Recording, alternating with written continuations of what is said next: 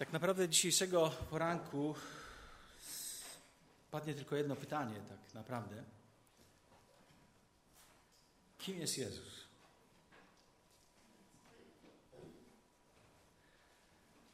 Dla części z nas to spotkanie będzie momentem, w którym podejmiemy bardzo ważną decyzję. I ta decyzja sprawi, że nie będziesz już takim człowiekiem, jakim jesteś w tej chwili. I niezależnie jaka to będzie decyzja wobec Jezusa, na tak czy na nie, już nigdy nie będziesz taki sam. Jeżeli usłyszysz Ewangelię i ją odrzucisz, to ta decyzja zmieni Twoje życie. Młody człowiek, o którym mówią Ewangelię, pewnego razu przyszedł do Jezusa i odrzucił dobrą nowinę, którą podzielił się z nim Jezus. Jest napisane, że odszedł od Jezusa smutny, wewnętrznie poruszony, wzburzony. Odrzucenie tego, co mówi Jezus, to bardzo poważna sprawa. A jeżeli zaufasz Jezusowi, Jego słowu, to również odejdziesz zmieniony. I Twoje życie ulegnie bardzo wielkiej, pozytywnej przemianie. Ewangelia Łukasza, 11 rozdział. 28 do 32 wersetu tekst.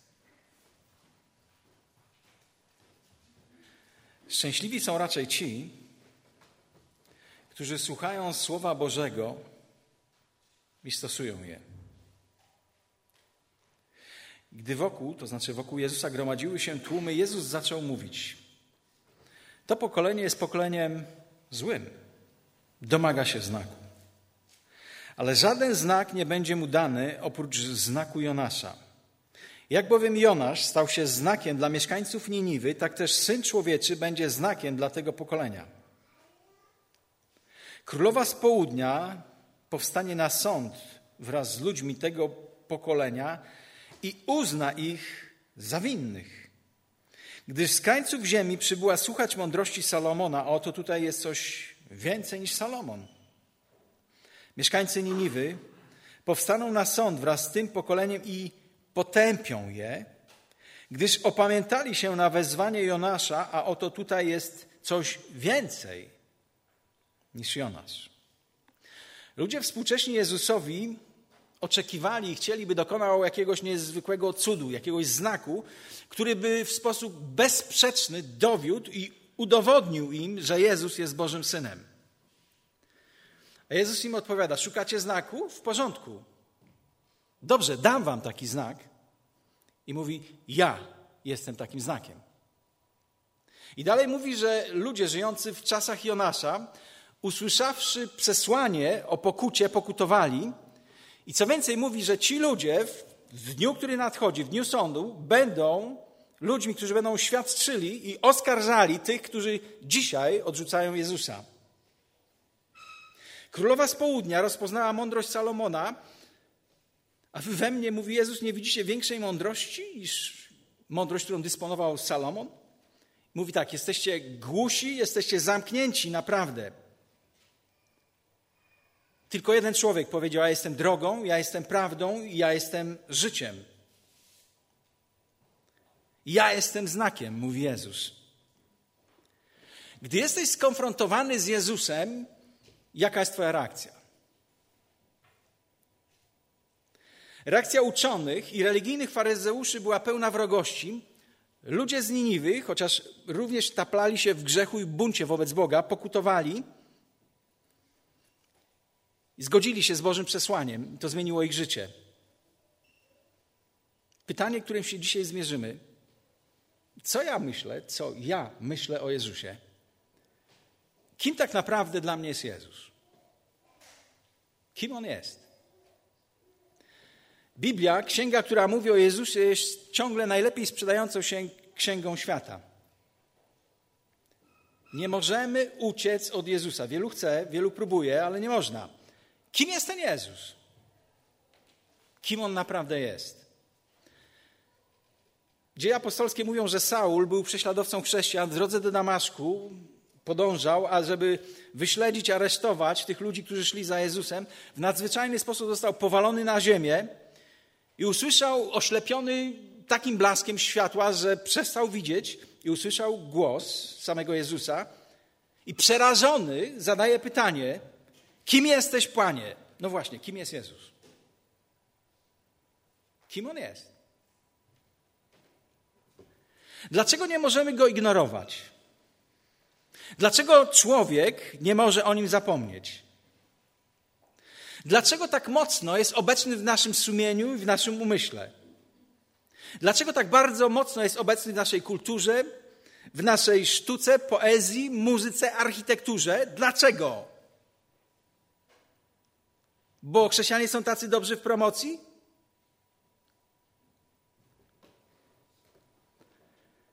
Czy nie jest jedynie człowiekiem, jednym z wielu, którzy mieli duży wpływ na ludzką historię? Może jest kimś więcej? Żył tylko 33 lata. Nigdy nie przemieścił się na odległość więcej niż 200 kilometrów. Nigdy nie otrzymał żadnego formalnego wykształcenia, a mimo tego na przestrzeni wieków, tysięcy lat, każde pokolenie o nim mówi i jest skonfrontowane z tym, co mówi i z jego osobą. Niektórzy o Jezusie Chrystusie powiadają, że był szaleńcem, maniakiem.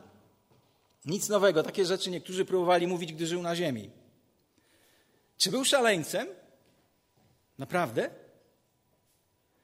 Człowiek przez trzy lata, otoczony grupą dwunastu najbliższych współpracowników, otoczony prawie każdego dnia tłumem, czasami tysięcznym ludzi, nigdy nie okazał niezrównoważonego zachowania.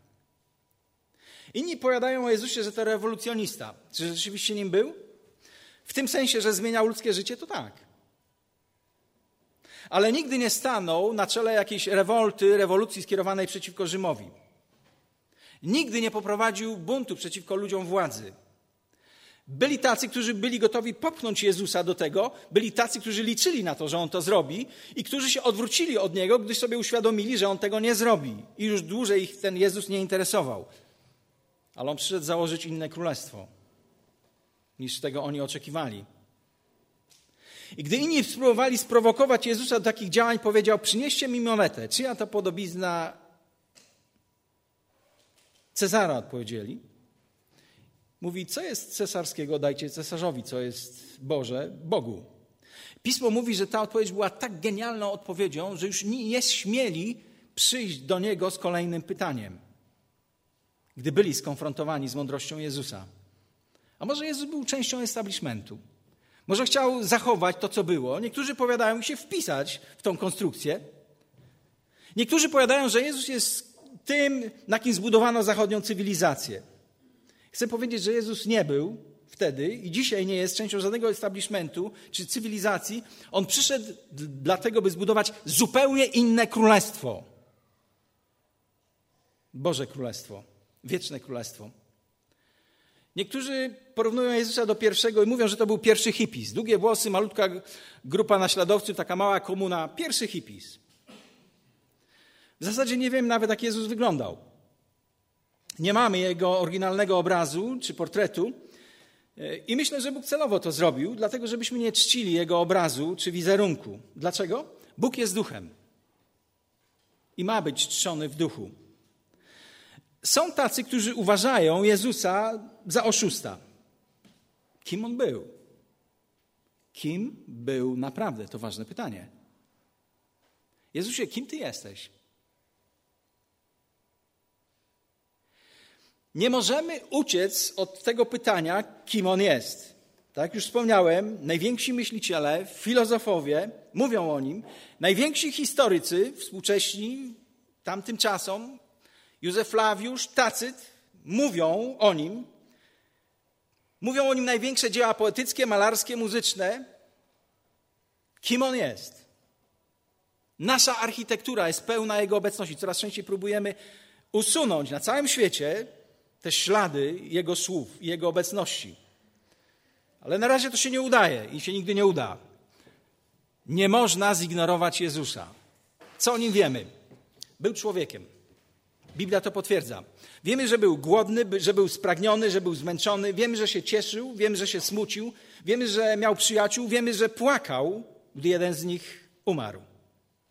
Wiemy, że miał wszystkie ludzkie cechy, a jednak Bóg mówi, ta księga o nim coś szczególnego, o, czego nie może powiedzieć o żadnym człowieku. Nigdy nie zgrzeszył. Tak naprawdę stawał przed całym tłumem ludzi, miał 33 lata i rzucał im wyzwanie, żeby dowiedli mu grzechu. I nikt tego nie potrafił zrobić. Wyobraź sobie dzisiaj 33-letniego faceta, który rzuca takie wyzwanie odnośnie swojej osoby.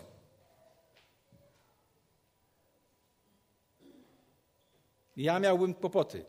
Jest tu moja córka, moja żona, druga córka, nie ma nas, to może, ale wnuk jest, mieliby coś do powiedzenia na temat mojej świętości i bezgrzeszności. Wszyscy jesteśmy grzesznikami, a Jezus przyszedł i doświadczył każdego kuszenia, o jakim możemy pomyśleć, i nigdy im nie uległ. W pełni był człowiekiem, jak ty i ja, ale był kimś więcej. On ogłaszał, że jest kimś wyjątkowym, że jest jedynym wcielonym synem Boga. Wiesz, co on mówił o sobie? Ogłaszał swoje istnienie od zawsze, od wieczności. Pismo mówi, na początku było Słowo, Słowo było u Boga, a Bogiem było Słowo. Zanim zaczął istnieć czas, Jezus już był. Mówił, że zanim był Abraham, on już był. Po prostu Jezus ogłaszał, że istniał od zawsze. Wiecie, jak się przedstawił? Gdy zadano mu pytanie, kim jest? Wiesz, co powiedział? Jam jest. A wiesz, kto tak się przedstawił w historii człowieka? Bóg. To było imię wszechmocnego Boga, tak święte dla Żydów, że w ogóle go nie wymawiano przez szacunek dla Boga. I nie dziwmy się, że takie stwierdzenia wywoływały oburzenie, gniew tych, którzy go słuchali. To dlatego chcieli go ukamienować i to dlatego przybili go do krzyża. Jezus stanął i ogłosił, że jest Bogiem. Czy rzeczywiście nim był? Czy był tym, za kogo się podawał? Synem żyjącego Boga. Pewnego razu zapytał swoich najbliższych, tych, którzy go obserwowali każdego dnia przez 24 godziny, co o nim myślą. Najpierw zapytał, co ludzie o mnie mówią, za kogo mnie uważają. I były różne pomysły. Powiedzieli niektórzy, że mówią, że jesteś Janem Chrzcicielem, który powstał z martwych, a jeszcze inni, że jesteś Eliaszem, Jeremiaszem. A Jezus powiedział tak naprawdę, to mnie nie interesuje, ja chcę wiedzieć, co wy o mnie myślicie. Piotrze, co ty o mnie myślisz? Jaka była odpowiedź? Tyś jest Chrystus, Syn Boga żywego. Odpowiedź Jezusa? Zdałeś ten egzamin, przeszedłeś ten test, ale to nie jest twój pomysł, to nie są twoje myśli. Mój ojciec ci to objawił. Jezus Chrystus ogłaszał, że jest synem jedynego Boga. W czasie świąt Bożego Narodzenia wspominamy moment jego wcielenia. Ale przecież to nie był początek jego istnienia. On jako jedyny istnieje od wieczności. Słowo, czyli Jezus, stało się ciałem i zamieszkało między nami. To Logos, to odwieczne Słowo Boga, wcielony wieczny Bóg stał się ciałem w osobie Jezusa Chrystusa i jako człowiek zaczął żyć między nami. Tak mówi Biblia.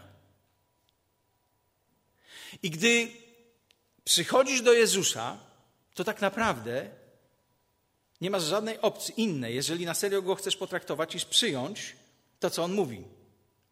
Musisz to zaakceptować. On nie był dobrym człowiekiem, on nie był myślicielem, on nie był hipisem, nie był wielkim człowiekiem. Bóg w ludzkim ciele. Tyle o sobie Jezus. Nikt nigdy nie nauczał takich rzeczy, jakich nauczał Jezus. Mówił coś takiego, jak ktoś cię uderzy w lewy policzek, to nadstaw mu prawy. Nikt nigdy tego nie mówił. Mówi, jeżeli masz przebaczyć, to rób to 77 razy, czyli przebaczaj bez końca.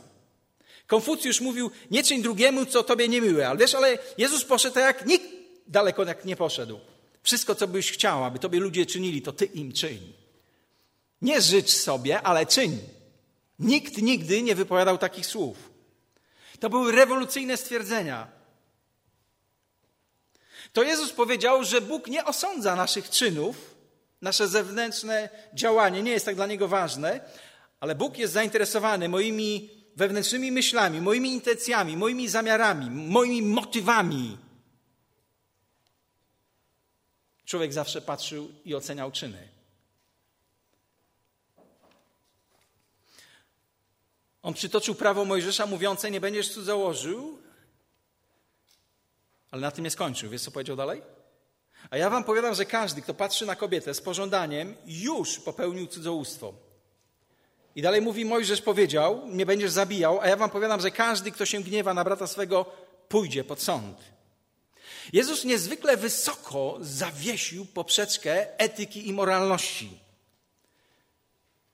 Ale nie tylko on ją tam tak wysoko umieścił, ale on się spodziewa i żąda, wymaga od człowieka, że będziemy żyli zgodnie z tymi standardami. Co więcej, on żył z tymi, zgodnie z tymi standardami i żadnego z nich nigdy nie złamał.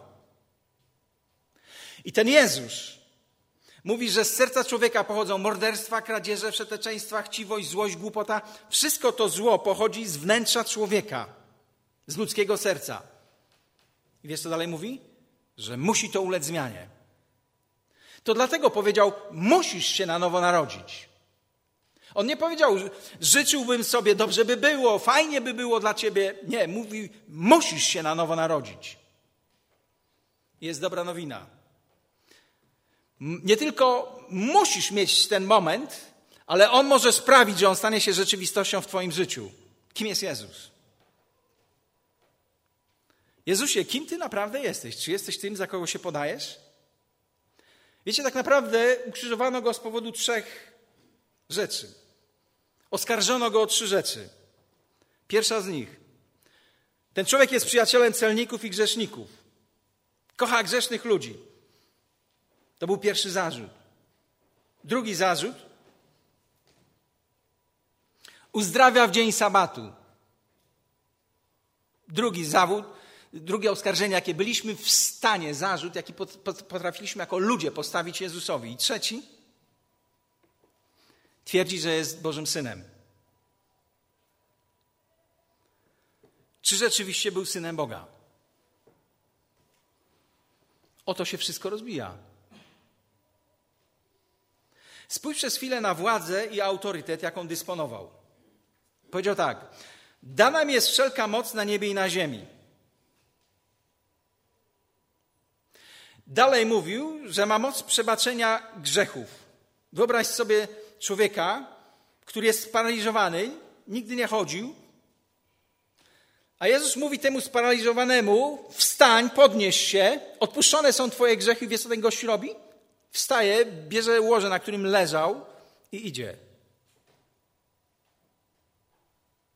Miał władzę odpuszczania grzechów. Żaden prorok tego nie mógł i nie potrafił, a Jezus przebaczył. Miał moc, by przebaczać. Miał władzę nad naturą. Pewnego dnia jezioro galilejskie, mała łódź, trzynastu ludzi, przekonani, że zginęli. Ta łódź miotana jak łupinka przez te potężne fale, to jest mały akwen, ale z powodu bliskości dużych gór i pustyni z drugiej strony powstają w krótkim czasie fale, które mogą dochodzić do pięciu metrów. Przekonani, że toną. Jezus śpi, budzą go i mówi tylko jedno słowo: Ucisz się. I te miliony ton rozszalałej wody nagle zamieniają się w płaską, spokojną taflę. Ty wypowiadasz tysiące słów i twoje dziecko nie chce ciebie usłuchać. Jezus wypowiada jedno słowo miliony ton wody są zamienione w tafle. Miał autorytet. Dlaczego tak się stało? Dlaczego potrafił to zrobić jednym słowem i taka była reakcja? Wiesz dlaczego? Bo przemówił Pan stworzenia. Bo przemówił Pan tego morza, Pan tego świata. Stwórca przemówił do swego stworzenia. Prawa natury to są Jego, Jego prawa. On je ustanowił i on je kontroluje i ta natura jest mu poddana. On jest Bogiem. Ma moc nad chorobami. Mógł sprawić, że niewidzące oczy, które nigdy nie widziały światła, nie reagowały na światło, zaczynały widzieć. On mówił do człowieka, którego ręka nigdy nie funkcjonowała, żeby ją podniósł i ta ręka szła do góry. On nakazywał, żeby ucho, które nigdy nie słuchało, zaczęło słyszeć i to ucho nie miało żadnego wyboru. Miał władzę nad demonami. Bardzo często dochodziło do konfrontacji między Jezusem a demonami. I wyrzucał je. Wiesz dlaczego? Bo miał nad nimi władzę. A ludzie, którzy byli opanowani przez te demony, wracali do normalnego życia. Popatrzmy jeszcze przez chwilę na moment jego śmierci, na to, jak odchodził. Nikt nigdy tak nie umierał jak Jezus. Biblia mówi, że towarzyszyły temu trzęsienia ziemi, zaćmienie słońca. Dziwne rzeczy działy się na cmentarzach i w świątyni. Żołnierze rzymscy, którzy oglądali śmierć tysięcy ludzi, patrząc na to, co się działo, powiedzieli: Ten musiał być Bożym synem. Wiesz, nawet człowiek z kamiennym sercem musiałby być poruszony tym, co się działo w momencie śmierci Jezusa. Najpierw zdarli z niego szaty. Wzięli rzymskie batoki zakończone kośmi ołowianymi kulami, które takie uderzenie jednego batogu rozdzierało skórę skazańca. Na głowę wtłoczyli mu koronę z ciernia z długimi kolcami i bili pałką w tę koronę i w tę głowę. Ściekała krew po po jego ciele. A oni w ten czas podchodzili i pluli mu w twarz. Szydzili na wszelkie możliwe sposoby. A on jednym skinieniem mógł sprawić, żeby Ziemia wyleciała ze swojej orbity. Ale on tego nie zrobił. On tego nie zrobił. Wiesz dlaczego? bo właśnie stał się człowiekiem dla tej chwili, dla tego momentu. Wziął ogromny krzyż i zaczął go nieść w kierunku wzgórza Golgoty. A później wbito gwoździe w jego dłonie i w jego stopy. I wiesz, co powiedział w tym momencie? Ojcze, przebacz im, bo nie wiedzą, co czynią. Chwilę później powiedział: Boże mój, Boże mój, czemuś mnie opuścił. Skłonił głowę i wyszeptał: Wykonało się, skończone, zapłacone. Co byś robił w tym momencie, gdyby ktoś, gdy jesteś zupełnie niewinny, przybijał ciebie do krzyża? wbijając stalowe gwoździe do Twoich dłoni i do Twoich stóp. Nie krzyczał, nie oskarżał, nie przeklinał. Powiedział: Przebacz. Nie wiedzą, co czynią. I później te ostatnie słowa wykonało się, skończone, dosłownie zapłacone. Co miał na myśli?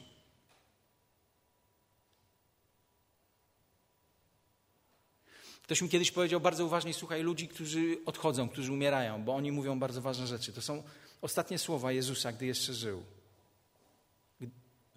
Ostatnie słowa tuż przed Jego fizyczną śmiercią. Ostatnie słowo zapłacone. To bardzo ważne. O co mu chodziło? Co miał na myśli?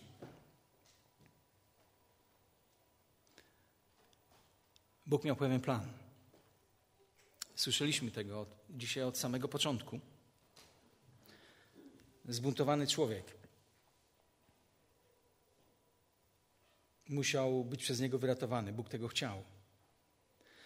Ale pomimo tego, że Bóg tak bardzo kocha człowieka, nie może ciebie i mnie poklepać po ramieniu powiedzieć: Stary, no nie wszystko jest idealnie, ale taki najgorszy nie jesteś, zapomnijmy o tym, teraz będzie wszystko dobrze. Nie, wiesz co Biblia mówi? Zapłatą za grzech jest śmierć.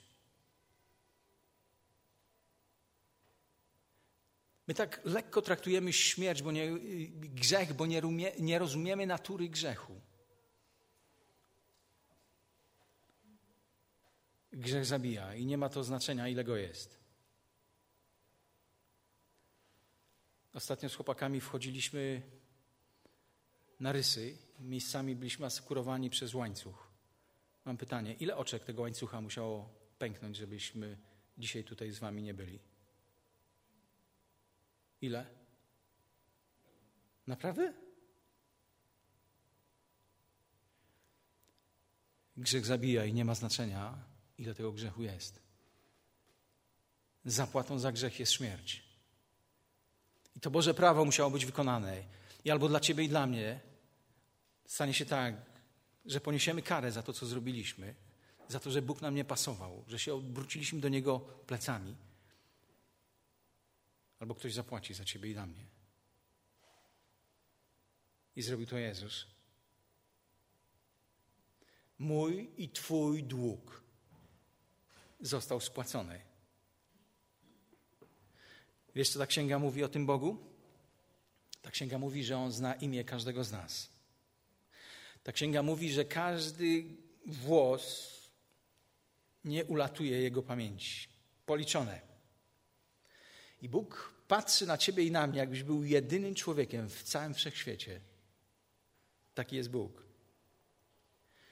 I gdy wisiał na krzyżu Jego Syn, to chcę, żebyś wiedział, może nigdy nie miałeś tego świadomości, ale On myślał o Tobie i zrobił to dla Ciebie. I był gotów zostać na tym krzyżu, żeby zapłacić. Twój i mój dług. Jezus wiedział, że zostanie wzbudzony z martwych. Jezus wiedział, że przyjdzie taki dzień, w którym ludzie z każdego kontynentu, z każdego narodu, z każdego języku, języka, którzy przyjęli Jego przebaczenie, zostaną wzbudzeni z martwych, by być z Nim na wieki. Złożono Go w grobie. Ale to nie był Jego koniec. I chcę Ci powiedzieć, gdy nie ma zmartwychwstania, to nie ma Ewangelii. Usłyszałeś? Gdy nie ma zmartwychwstania, to nie ma Ewangelii. Jezus żyje. Gdy kobiety przyszły następnego poranku do grobu, do, do pust... to przyszły do pustego grobu. Nie wiedziały o tym. Myślę, że ostatnim miejscem, do którego mógłbyś się udać, żeby usłyszeć dobrą wiadomość, to jest cmentarz. Ale chcę Ci powiedzieć, że największa wiadomość, jaka kiedykolwiek dotarła do ludzkości, przyszła z cmentarza. Bóg w tym maczał swoje palce i swoje ręce. Nie ma go tu. Zmartwychwstał. Właśnie zmartwychwstanie Jezusa było tym przesłaniem, dzięki któremu tych dwunastu ludzi w krótkim czasie przewróciło Cesarstwo Rzymskie do góry nogami. Ogłaszając, że Jezus żyje. Część chrześcijan żyje tak, jakby Jezus był martwy, ale chcę powiedzieć, że spora część chrześcijan jest umarłych, ale Jezus jest żywy. Pomimo tego, że ty się zmagasz z bólem, cierpieniem, tragedią, śmiercią, w pewnym sensie jest łatwiej nie być chrześcijaninem, wówczas diabeł się za tobą za bardzo nie interesuje.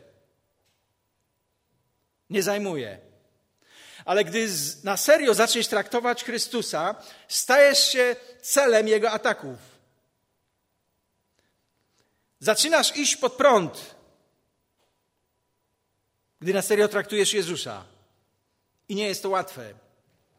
Ale chcę Ci powiedzieć, że życie bez Chrystusa jest nieporównywalnie trudniejsze. Wiesz dlaczego? Bo to jest życie, w którym nie ma żadnej nadziei. Jezus żyje. Nie ma go tu. Mówią kobiety przy pustym grobie. Jeżeli nie został wzbudzony z martwych, jeżeli on nie żyje, to chrześcijaństwo jest złudzeniem, oszustwem, a my nadal jesteśmy w swoich grzechach, przestępstwach.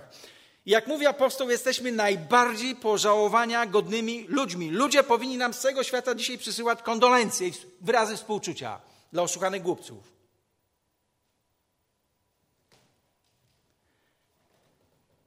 Gdybym nie miał żadnych dowodów i przesłanek mówiących o tym, że Jezus żył na ziemi, to ciągle bym mu ufał. Dlaczego? Z powodu tego, co dla mnie zrobił. Dał mi radość, dał mi pokój, czyste sumienie, dał mi sens, poczucie bezpieczeństwa, dał mi miłość, dał mi nowe życie, dał mi poczucie satysfakcji, spełnienia. Po prostu to jest rzeczywistość, w jakiej żyję. On mi to dał.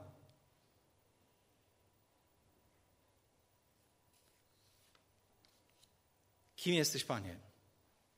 Jezusie, kim Ty jesteś? Czy jesteś tym, za kogo się podajesz? Każdy z nas musi dać odpowiedź na to pytanie. Kim jest Jezus? Jeżeli Jezus ogłaszał, że jest Bogiem, a nim nie był, to był kłamcą i musielibyśmy powiedzieć: Jezusie, jesteś kłamcą, jesteś największym kłamcą i największym oszustem w ludzkiej historii, jesteś zakałą ludzkiej rasy.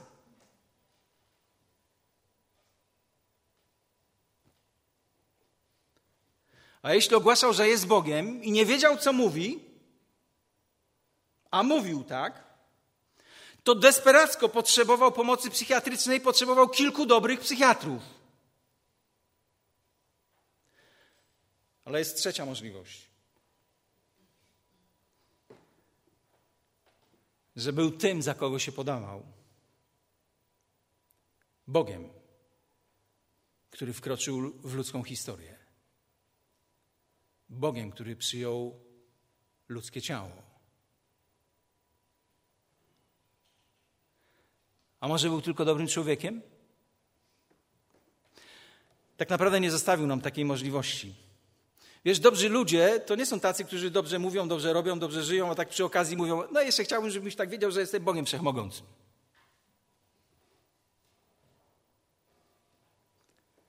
Uważam, że mamy przytłaczające dowody potwierdzające to, co Jezus sam o sobie mówił, że jest synem żyjącego Boga. Nie mogę tego dowieść w sposób naukowy, ale mogę tego dowieść pokazując, jak każdego dnia zmienia ten Jezus, ten zmartwychwstały Jezus ludzkie życie. Zmienia życie ludzi, którzy sami z siebie zrezygnowali, robiąc z nich kogoś zupełnie innego. Mogę tego dowieść, bo w głębi swojego serca nie mówię myślę, uważam, mam nadzieję, spodziewam się, ale mówię wiem. Wiem, że mój Pan żyje. Oglądam to, czego dokonuje. Jest taki element w życiu każdego z nas, o którym często nie myślimy, nie analizujemy tego, ale bez tego elementu życie nikogo z nas nie jest możliwe. To wiara. Życie bez wiary jest niemożliwe. Na przykład wierzysz w to, że twoja żona nie dosypała dzisiaj trucizny do twojej kawy. Mogła to zrobić, ale nie uczyniła. Nie sprawdziłeś tego, nie? Wypiłeś kawę? Używasz swojej wiary, gdy wpłacasz swoje pieniądze do banku. Używasz swojej wiary w każdym momencie, gdy jedziesz samochodem. Rozumiesz, że jak podjeżdżasz po taką wysoką górę, to zanim dojedziesz na sam szczyt, zatrzymujesz samochód, wysiadasz i idziesz, żeby sprawdzić, czy ktoś, jakiś inny kierowca nie jedzie po twojej stronie jezdni. Tak robisz? Nie robicie tak? Wierzycie. Używacie wiary.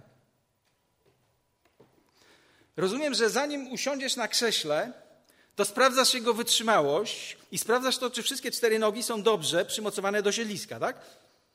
Albo przynajmniej poprosisz kogoś ze słuszniejszą wagą, żeby usiadł na tym krześle przed tobą, zanim ty siądziesz. Tak robisz? No wiesz, że ludzie nie produkują takich krzeseł, które by nie utrzymały wagi człowieka. Używasz swojej wiary. I Bóg oczekuje, że użyjesz tej swojej wiary, tego zaufania i złożysz w Jezusie tę wiarę jako swoim Zbawicielu i Panu. I gdy to uczynisz, będziesz wiedział, kim On jest. Gdy akceptujesz Go przez wiarę, to On przychodzi do wnętrza człowieka, do Twojego wnętrza poprzez Ducha Świętego i wtedy wiesz, kim jest Jezus i wiesz, że jest prawdą to, co On o sobie mówi. Jest to krótka droga pomiędzy głową a sercem. To jest około 30-35 centymetrów. Ale ta podróż wszystko zmienia.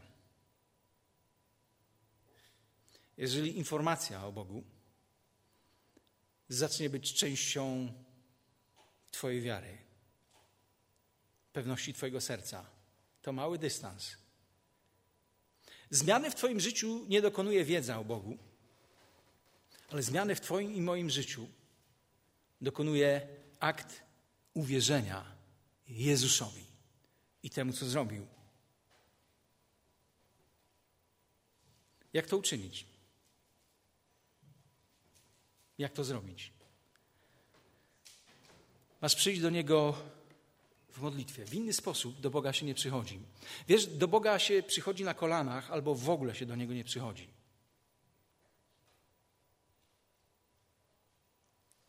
Jedni mogą się z tego śmiać, inni odrzucać. Ktoś może uznać to, że to jest zbyt proste, banalne. Być może jesteś kimś, kto próbuje odłożyć tą decyzję na później, na inny, lepszy moment. Ale możesz być też człowiekiem, który może przyjąć to zaproszenie i dzisiaj zaakceptować Jezusa jako swojego Zbawiciela i Pana. I gdy to zrobisz, On przyjdzie. Wszystko zmieni. Zmieni informacje w pewność i w nowe życie. Da ci pewność, której ci nikt nie zabierze, nic nie ukradnie, że jesteś jego dzieckiem.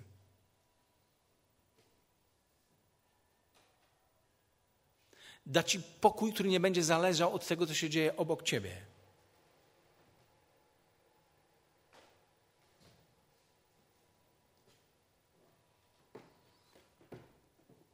Czy Jezus jest tym, za kogo się podawał? Zdecydowanie tak. To syn Boga. A ty dzisiaj, tego poranku, masz szansę mu zaufać. Potraktować go na serio. Jeżeli chcesz znaleźć się w niebie, to znaczy w rzeczywistości, w której jest Bóg, musisz go przyjąć. On musi się rozprawić z Twoim grzechem. Niebo to nie jest miejsce, gdzie jest najmniej grzechu. Niebo to miejsce, w którym nie ma grzechu. I on musi się rozprawić z Twoim grzechem. Jeżeli chcesz, by Twoje grzechy zostały przebaczone, musi się wyznać Jezusowi. Musisz być gotowy odwrócić się od wszystkiego, o czym wiesz, że On nie akceptuje. Doskonale o tym wiesz. Czego On nie akceptuje. Doskonale wiesz, co Mu się nie podoba. I wreszcie musisz poddać mu swoje życie i musisz być gotowy, by uczynić go pierwszym, najważniejszym w Twoim życiu. Musisz gotowy być, zaakceptować go zbawiciela, ale również jako Pana. Wiesz o co chodzi? Chodzi o to, żebyś z miejsca za kierownicą swojego życia przesiadł się na miejsce pasażera i stery swojego życia powierzył w jego dłonie. Możesz być ateistą, możesz być protestantem. Możesz być katolikiem, możesz być Żydem, możesz być jakimś ortodoksyjnym wyznawcą jakiejś wiary religii, możesz się nie utożsamiać z żadną religią, ale dziś Bóg przez to słowo mówi do ciebie i ciebie konfrontuje z tym najważniejszym pytaniem. Kim Jezus jest dla ciebie? Kim jest Jezus? Ja podejmowałem tę decyzję, gdy miałem około 13 lat w swoim życiu. Kolejny raz usłyszałem przesłanie Ewangelii, jakie dzisiaj słyszysz. Pamiętam, że to było gdzieś przy okazji jakiegoś wyjazdu na zimowisko. Byłem z, z kolegą, z moim bratem i, I ten, który mówił, zachęcał, żeby ludzie, którzy chcą podjąć decyzję dla Pana Boga, chcą decyzję o zaufaniu, żeby wyrazili jak, jak to jakimś gestem. I, I później pójdą się gdzieś tam modlić. Ja zobaczyłem, że mój brat podnosi dłoń, kolega też, i pomyślałem, taka bardzo głupia motywacja. Pomyślałem, w ich życiu coś się zadzieje, a to mnie ominie, więc może to będzie coś dobrego, no to ja, to ja też się załapię na to, nie? I z taką motywacją poszedłem się modlić. Ludzie w tym momencie opowiadali o różnych rzeczach. Niektórzy, niektórzy przeżywali jakieś wizje, jakieś ciemne serce, jakaś anielska postać, która przychodziła, to serce zmieniała. Ja czekałem na jakąś taką jazdę, na coś takiego nadzwyczajnego. I nic takiego się nie wydarzyło. Nagle prosta myśl. Taki obraz przyszedł do mojej głowy. Miałem taką świadomość, że idę przez jezdnię na zielonym świetle i nie widzę rozpędzonej ciężarówki. Ten kierowca też mnie nie, już widzi, ale nie zdąży wyhamować. I ktoś obserwując to wszystko, wskoczył na tę jezdnię i wypchnął mnie. Ja przeleciałem, ale ten człowiek zginął pod kołami tej ciężarówki. I taka myśl przyszła. Gdyby tak się stało, a ja żadnych dobrych wspomnień, żadnej wdzięczności wobec tego, który mi uratował życie, to byłoby straszne, nie? I nagle to przełożyłem na moją relację do Jezusa. Oddał swoje życie. A mi to było totalnie obojętne. Oddał swoje życie za mnie. A ja traktowałem go tak często bardzo instrumentalnie. Powiedziałem, Boże, ja nie chcę się Ciebie bać. Ja nie chcę Cię traktować i potrzebować tylko w ten czas, gdy coś mi się w życiu rozwala. Ja chcę, żebyś zmienił moje serce. Ja chcę Cię inaczej traktować. Płakałem. Mówiłem proste słowa. I przyszedł. Dał mi pokój. Przestałem go się bać. Zmienił moje serce. Ja dość dobrze znałem Nowy Testament, ale go czytałem, bo się mojej mamie dobrze robiło, jak widziała, że synalek czyta. Ja śpiewałem chrześcijańskie pieśni tak wieczorem też czasami. Dla mamy. A teraz, teraz nie mogłem oderwać się od tej księgi. To tak jakbyś znalazł listy od osoby, którą kochałeś, kochasz. Gdzieś na strychu, w starych pudełkach. Tak zacząłem traktować tę księgę. Zmienił moje serce.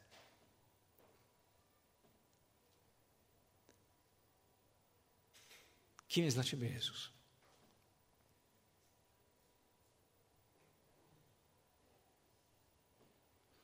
Odpowiedź na to pytanie ma bardzo dalekosiężne skutki.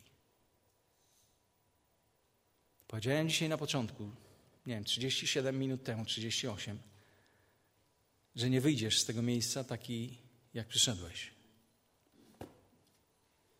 Dlatego, że usłyszałeś Ewangelię. I to stawia Ciebie przed decyzją.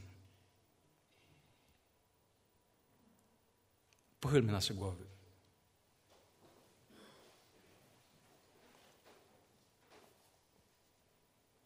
Czy jest ktoś z nas tego poranku, kto chciałby dzisiaj wyrazić pragnienie swojego serca, wyrazić swoją decyzję o tym, że jest gotowy przyjść do Jezusa z wyznaniem swoich grzechów, z prośbą o przebaczenie i z gotowością do tego, by ten Jezus zaczął być najważniejszą osobą w Twoim życiu. Czy jest taka osoba?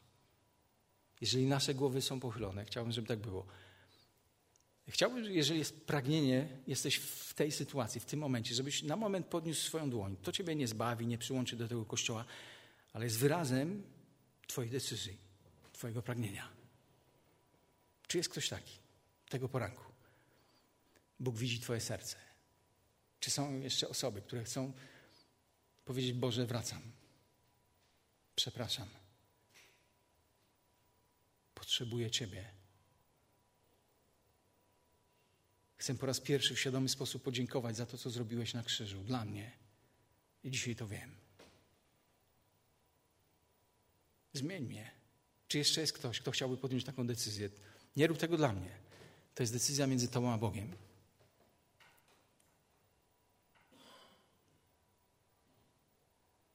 Nie myśl, że jesteś za młody. I nie myśl, że jesteś za stary. Jesteś grzeszny i dlatego tego potrzebujesz.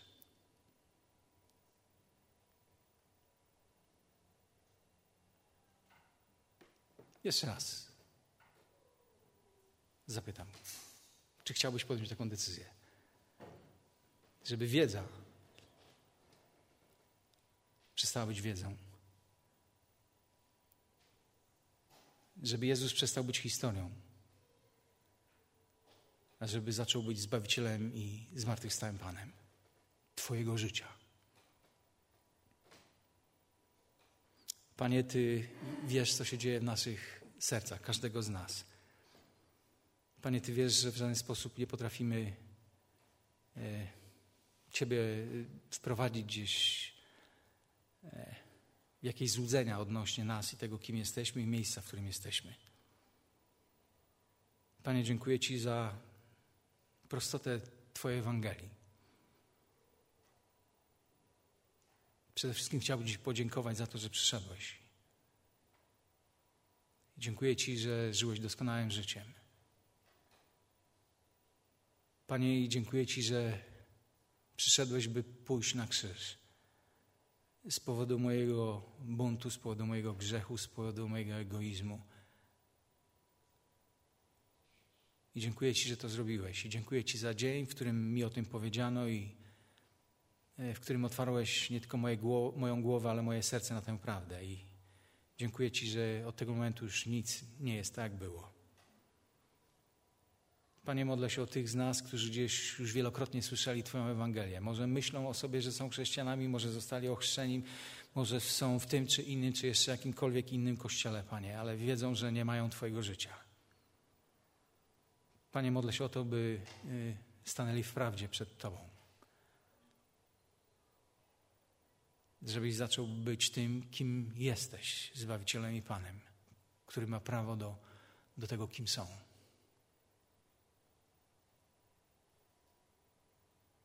Dziękuję Ci za przywilej dzielenia się Twoją Ewangelią. Amen.